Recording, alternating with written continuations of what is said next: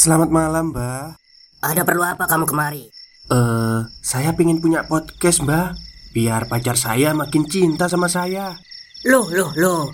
Mau bikin podcast kok tanya dukun? Sekarang kamu download aplikasi Anchor.fm. Di situ kamu bisa buat podcast gratis dan podcast kamu bisa didistribusikan ke platform mana pun. Dan di aplikasi atau website Anchor.fm juga terdapat fitur-fitur yang memudahkan kamu untuk membuat podcast. Oh, gitu ya, Mbak. Kalau gitu, saya boleh minta password wifi-nya, Mbak. Buat apa? Buat download Anchor.fm, Mbak.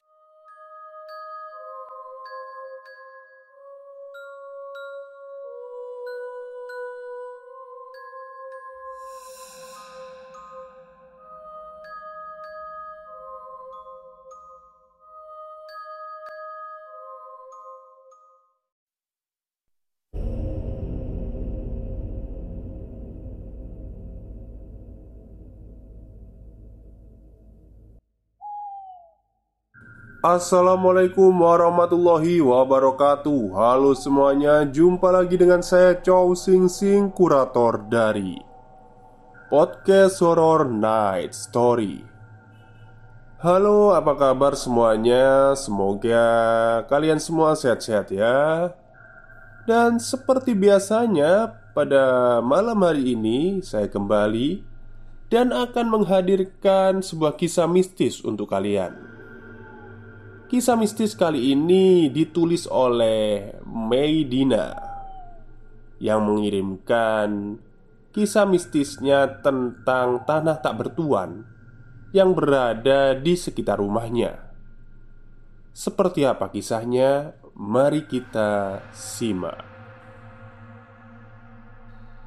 Assalamualaikum warahmatullahi wabarakatuh. Namaku Medina Aku ingin menceritakan sebuah kisah horor yang terjadi di sekitar rumahku. Pengalaman ini terjadi ketika Mei masih kecil, dan sampai sekarang sih tanah itu masih menyimpan berbagai macam misteri. Tanah itu memang ada yang memiliki, tapi tidak pernah dibangun rumah sama pemiliknya sampai saat ini, karena pemiliknya sudah pada merantau di kota jadi jarang pulang ke kampung halaman. Dan karena tidak pernah dirawat, bahkan jarang ditengok, pemiliknya pun entah berada di mana sekarang. Tanah itu ditumbuhi semak belukar yang rindang.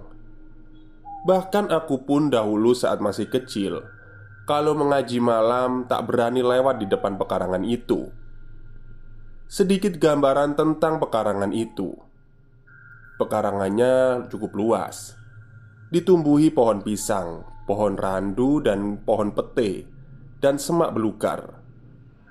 Kalau malam, kesan horor amat terasa sekali. Orang pun tak berani memandang lama tentang pelataran itu, seperti menyimpan misterinya sendiri. Sedikit gambaran lokasi tanah itu berada di dekat rumahku, hanya beda 10 rumah saja. Akses menuju pekarangan itu memasuki gang sempit. Walaupun tergolong memasuki perumahan padat Tapi tetap pekarangan itu masih menyimpan misteri sampai saat ini. Dahulu waktu tahun 2000 Aku masih kecil Lebih tepatnya kelas 1 SD Pada tahun itu Orang-orang yang mempunyai televisi masih sangat jarang sehingga orang yang mempunyai televisi pada masanya banyak orang yang berkunjung ke rumahnya. Hanya sekedar menonton bersama. Dan pada kala itu Film Mak Lampir jadi film favorit bersama-sama. Ya, serasa menonton di bioskop lah. Sebut saja namanya Pak Cahya Pak Cahya pada waktu itu suka menonton TV di rumahku pada zaman itu, serial favorit untuk menonton bersama adalah Mak Lampir Yang dimulai pukul 8 malam. Pak Cahya dari jam 7 sudah bergegas menuju rumahku Untuk menonton televisi favorit bersama orang tuaku. Jam 10 malam acara TV pun selesai. Pak Cahya segera pamit untuk pulang ke rumahnya dengan berjalan kaki Rintik hujan gerimis mengiringi langkah kaki Pak Cahya. Jalanan amat begitu sepi sekali. Jarak rumah Pak Cahya dan rumahku hanya sekitar 10 menit ditempuh dengan berjalan kaki. Pak Cahya pun pulang melewati pekarangan yang tak bertuan itu. Udara dingin menembus kulit Pak Cahya diiringi dengan rintihan hujan. Jalanan pun amat begitu sepi Seakan-akan Pak Cahya hanya berjalan di kesendirian malam pada waktu itu. Dengan perasaan merinding, Pak Cahya pun memberanikan diri. Langkah demi langkah, Pak Cahya pijaki. Tiba-tiba, langkah Pak Cahya terhenti tepat di depan pekarangan itu. Mata Pak Cahya terpaku melihat sosok hitam kecil yang berdiri tepat berada di bawah pohon pisang itu. Diperjelasnya pandangan itu sambil mengucek kedua bola matanya. Itu apa ya? Batin Pak Cahya di tengah keheningan malam. Walaupun merinding dan takut, tapi Pak Cahya masih tetap fokus melihat sosok itu. Tiba-tiba, sosok hitam itu berubah menjadi besar hingga tingginya menjulang setinggi pohon kelapa. Matanya merah, giginya menyeringai ke arah Pak Cahya. Pak Cahya pun hanya terpaku, seakan-akan badannya kaku. Untuk melangkah pun kaki tak mampu, apalagi berlari. Selang beberapa menit, tiba-tiba mulut Pak Cahya berucap, "Bri, Bri, Brigidik Ireng. Teriak Pak Cahya. Pak Cahya pun lari tunggang langgang Sampai ke rumahnya Dan langsung menceritakan kepada istrinya. Keesokan paginya Pak Cahya langsung menceritakan itu kepada bapakku Tentang kejadian yang menimpa semalam. Pak, Pak Ishak Panggil Pak Cahya. Iya, kenapa Pak Cahya? Semalam, waktu aku pulang dari sini, aku ditakut-takutin sama Brigidik Ireng yang ada di pekarangan itu. Ucap Pak Cahya. Pak Ishak pun hanya tertawa. Itu rezekimu. Diam-diam aku pun menguping pembicaraan antara Pak Cahya dan Pak Ishak bapakku. Dan Brigidik Ireng itu sampai sekarang masih ada dan masih mendiami pekarangan itu, seakan-akan jadi penghuni tetap. Kejadian horor pekarangan tak bertuan itu tak berhenti sampai di situ saja. Pernah juga ada kejadian horor yang pernah dialami oleh salah satu tukang beca yang sering mangkal di perempatan jalan raya. Kebetulan rumahku tepat di seberang kali. Ada jalan raya lintas provinsi. Jadi setiap bus untuk arah Jakarta Jogja bisa lewat jalan itu. Sebelum berdirinya tol, jalan raya itu ramai sekali. Masih di tahun 2000. Tepatnya berapa aku pun lupa. Tapi yang jelas aku masih menyimpan memori menakutkan itu. Waktu itu ada salah satu tetanggaku Kebetulan anaknya merantau di Jakarta Dan letaknya rumahnya itu persis berhadapan dengan pekarangan tak bertuan itu Yusuf adalah salah seorang pemuda yang telah lama merantau di Jakarta. Yusuf pun pulang ke kampung halamannya tepat jam 2 pagi. Bus yang ditumpangi Yusuf berhenti tepat berada di perempatan jalan raya itu dan Yusuf pun turun dari bis. Sini mas, aku anterin sampai rumah Ujar Pak Min tukang becak. Oh iya pak. Anterin masuk ke gang sempit ya Di depan sekolahan itu. Oke siap pak Balas Pak Min. Becak pun dikayu dan memasuki gang sempit rumahku. Pada saat memasuki gang sempit itu Pak Min dan Yusuf tidak merasakan keanehan. "Stop, stop, Pak, sampai di sini aja deh. Ini rumah saya. Bayar berapa? Tanya Yusuf. Tujuh ribu aja, Pak. Jawab Pak Min. Tatapan Pak Min pun tertuju pada pekarangan itu. Pak Min seakan-akan ingin bertanya kepada Yusuf. Akan tetapi, Pak Min mengurungkan niatnya. Sambil terus berpikir dan kebingungan, Pak Min mengayuh becaknya pulang ke rumah. Stop, stop. Kita break sebentar. Jadi gimana? Kalian pengen punya podcast seperti saya? Jangan pakai dukun, pakai Anchor. Download sekarang juga. Gratis. Si Yusuf pun langsung masuk ke rumahnya tanpa ada rasa keanehan sama sekali. Keesokan paginya, Pak Min pun bertanya kepada rekan seprofesinya, Pak, Pak Kus Panggil Pak Min Iya, ada apa pak? Saut Pak Kus Semalam aku nganterin orang ke gang sempit itu Yang di depan sekolahan Kata Pak Min Iya terus? Jawab Pak Kus Aku di sana lihat hal yang menakjubkan Gak disangka Di gang sempit itu Ada rumah megah Terang benderang Bagus lagi. Banyak orangnya rame Padahal jam 2 malam. Apa mungkin orang-orang itu lagi ngadain pesta ya? Rumah di gang sempit mewah. Perasaan di situ nggak ada rumah. Maksudmu apa sih Pak Min? Aku nggak tahu Ada itu loh Pak. Persis di depan rumahnya Yusuf Anaknya Bu Mimin Yang pakai kacamata. Kata Pak Min berucap sambil menegaskan. Pikiran Pak Kus menerawang tajam. Uh, Kamu salah lihat kali Min. Di depan rumahnya Bu Mimin itu pekarangan kosong. Lah, masa iya? Sepertinya tidak mungkin deh pak Orang aku masih mengingatnya Masa iya mataku siwer? Jawab Pak Min mengelak. Yowis Min. Kalau kamu nggak percaya Sana lihat sendiri Dan buktikan ucapanku itu benar.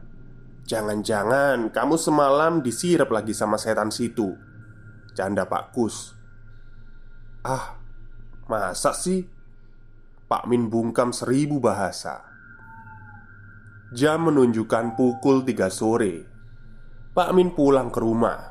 Tapi karena penasaran Pak Min pun pulang dengan melewati jalan rumahku gang sempit itu. Hanya sekedar ingin menjawab kepenasarannya saja. Becak pun dikayuh Memasuki gang sempit itu. Pak Min pun memberhentikan becaknya tepat di depan rumah Yusuf Matanya sambil menatap tajam pekarangan itu. Astagfirullah. Ternyata betul apa yang disampaikan oleh Pak Kus. Ini pekarangan kosong. Terus semalam apa yang kulihat? Ucap batin Pak Min. Tiba-tiba Punggung Pak Min pun ditepuk dari belakang Yang membuyarkan lamunannya. Pak, Bapak tukang becak yang semalam ya? Tanya Yusuf Ternyata yang menepuk itu Yusuf Penumpang semalam Bapak kenapa bengong di sini? Ngeliatin apa sih?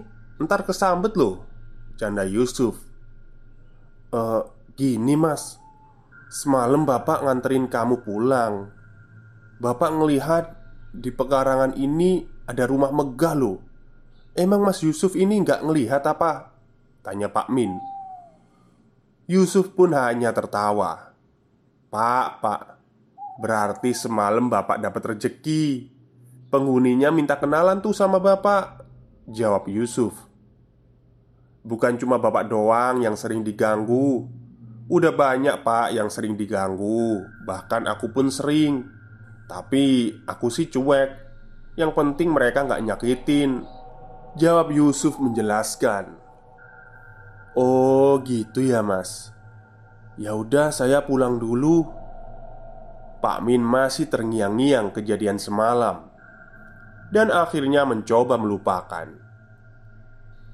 Tanah itu pun dulunya pernah sempat dijual dengan pemiliknya. Tapi entah kenapa seakan-akan ada yang menghalangi. Tanah itu pun tak kunjung laku sampai saat ini. Bahkan sampai nenek buyut sudah pada meninggal pun dan sekarang sudah jatuh ke ahli warisnya. Tanah itu tak kunjung laku. Sampai ahli waris bosan mengurusi tanah itu. Akhirnya terbengkalai begitu saja. Sesekali kalau semak belukarnya sudah tinggi, ahli waris menelpon orang dan menyuruh untuk membabatnya. Dan kalaupun membabatnya, mereka tak luput pakai permisi dan sambil diiringi doa. Pada tahun 2007, aku sudah sekolah SMP. Hanya beda blok dari rumahku. Tetanggaku menggelar pertunjukan wayang kulit. Banyak warga yang berduyun-duyun untuk menonton, bahkan dari tetangga desa pada ikut menyaksikan. Pagelaran wayang identik dimulai pada malam hari, dan hanya bapak-bapak saja yang mampu begadang sampai pagi. Ibu-ibu jarang sekali terlihat. Sebut saja namanya Pak Karyo. Pak Karyo sangat hobi menonton pertunjukan wayang. Tapi entah kenapa Pak Karyo pada saat itu tak sampai selesai menyaksikannya karena merasa tidak enak badan. Jam menunjukkan pukul satu malam. Pak Karyo bergegas pulang dan melewati gang sempit itu. Otomatis harus melewati pekarangan angker itu. Pintu rumah semuanya sudah tertutup rapat. Hanya menyisakan Pak Karyo, seorang yang melewati gang sempit itu. Dengan perasaan takut dan was-was, Pak Karyo pun mulai melangkah maju. Tumben ya, kok sepi amat. Batin Pak Karyo. Hmm, ya sudahlah. Bismillah. Dia memasuki gang sempit sebelum melewati pekarangan itu. Dari arah kejauhan, samar-samar, Pak Karyo melihat sosok laki-laki sedang berjalan ke arah berlawanan dengan memakai pakaian serba hitam. Alhamdulillah, akhirnya ada orang juga. Gumam Pak Karyo. Dengan perasaan sedikit tenang, Pak Karyo pun melangkah. Tepat di depan pekarangan itu, mereka berpas-pasan dan saling menatap. Karena Pak Karyo orangnya ramah, Pak Karyo pun menyapa orang itu Mas, mau lihat wayang juga ya? Tanya Pak Karyo Lelaki itu hanya tersenyum menyeringai Dan menunjukkan taringnya. Sangat persis sekali seperti Dracula Mempunyai taring dan berwajah pucat. Pak Karyo pun sontak istighfar dalam hati. Astagfirullah ternyata demit. Pak Karyo langsung mempercepat langkah kakinya Karena Pak Karyo dikenal orang yang cukup pemberani. Dari arah belakang sosok itu ketawa cekikikan Mirip seperti kuntilanak Batin Pak Karyo mengatakan Mungkin ini yang dimaksud kuntilanak lelaki. Pak Karyo pun segera bergegas menuju rumahnya. Bukan hanya Pak Karyo saja Yang pernah berkenalan dengan penghuni gaib pekarangan itu. Bahkan Pak Aziz pun tetanggaku pernah merasakan juga. Di tengah malam, tiba-tiba istri Pak Ajis membangunkan Pak Ajis. "Pak, bangun, Pak. Ada apa sih, Bu?" "Anu, Pak, aku kebelet. Anterin ke kali yuk buat BAB. Tahu sendiri WC kita lagi mampet." Jawab Bu Sri. Kebetulan di kali depan ada WC umum atau orang biasa dikenal dengan sebutan jamban. Oke oke Jawab Pak Ajis ketus Karena pada waktu itu Pak Ajis masih mengantuk. Mereka pun keluar rumah dan berjalan menuju kali. Pak Ajis pun menunggui di pinggiran kali. Tak terjadi apa pun pada saat berada di sungai itu. Bu Sri pun membersihkan di situ juga karena pada saat itu Bu Sri membawa seember air yang digunakan untuk bebersih. Saat mereka pulang menuju ke rumah, kebetulan rumah Pak Ajis dekat dengan pekarangan tak bertuan itu. Langkah kaki mereka terhenti seketika. Dari kejauhan, samar-samar Pak Ajis dan Bu Sri melihat selendang merah terbang melayang dari atas kepala mereka menuju ke pekarangan itu. "Pak, itu apa?" tanya Bu Sri. "Nggak tahu, Bu," Jawab Pak Ajis Selendang merah itu tiba-tiba mendaratkan tubuhnya Di pekarangan itu. Dan seketika Berubah menjadi sosok yang menyeramkan. Wajahnya berlumur darah Dan tertawa cekikikan. Sontak Busri dan Pak Ajis berlari ke dalam rumah. Ember pun ditinggalkan begitu saja di jalan. Sambil menutup pintu Pak Ajis berkata Astagfirullah bu Kuntilanak itu bu. Mereka pun tidak berani mengintip ke jendela lagi Dan kembali tidur. Masih ada lagi satu kisah mistis yang pernah dialami Ibu Wasila. Rumah Bu Wasila tepat berada di samping pekarangan itu. Bahkan jendelanya pun beriringan dengan pekarangan itu. Suatu hari Bu Wasila sedang memasak di dapur Jendela diketuk-ketuk. Karena Bu Wasila sudah terbiasa Bu Wasila hanya mengabaikannya saja. Malah sepertinya Sudah tak asing dengan penghuni gaib Pekarangan tak bertuan itu. Hari-hari pun berlalu begitu cepat. Aku pun menetap di kota lain bersama suami. Aku pun tak pernah tahu lagi kejadian apa Yang pernah dialami di pekarangan itu Pernah sewaktu-waktu aku pulang ke kampung halaman dengan membawa suami dan anak-anakku.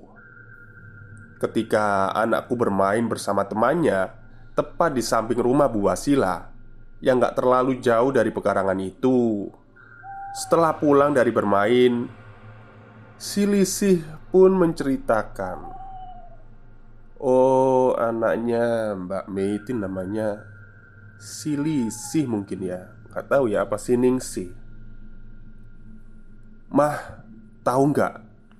Di rumah itu yang dekat dengan tanah kosong serem itu Aku lihat ada anak kecil pakai baju main.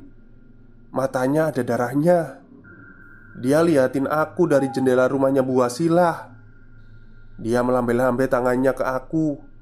Aku disuruh main sama dia.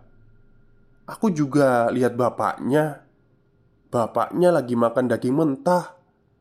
Ada darahnya.